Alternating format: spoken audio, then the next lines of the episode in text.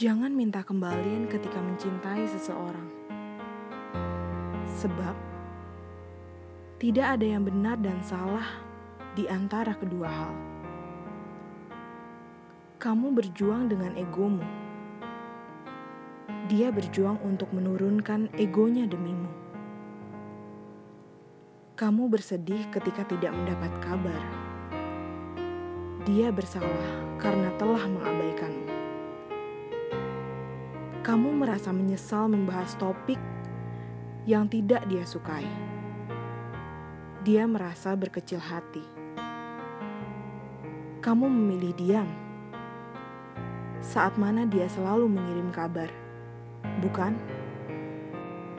Jangan minta kembalian ketika mencintai seseorang. Ada masa di mana yang kamu harap tidak sesuai dengan keinginan mau tidak mau. Semua kecewa adalah hasil perjuangan.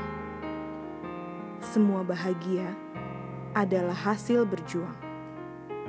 Semua momen adalah ciptaan yang memiliki peran. Jangan minta kembalian ketika mencintai seseorang.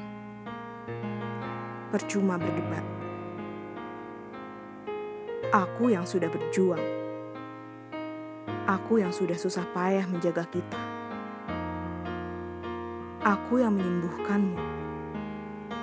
Aku yang memelukmu ketika yang lain hanya berani diam. Aku. Aku.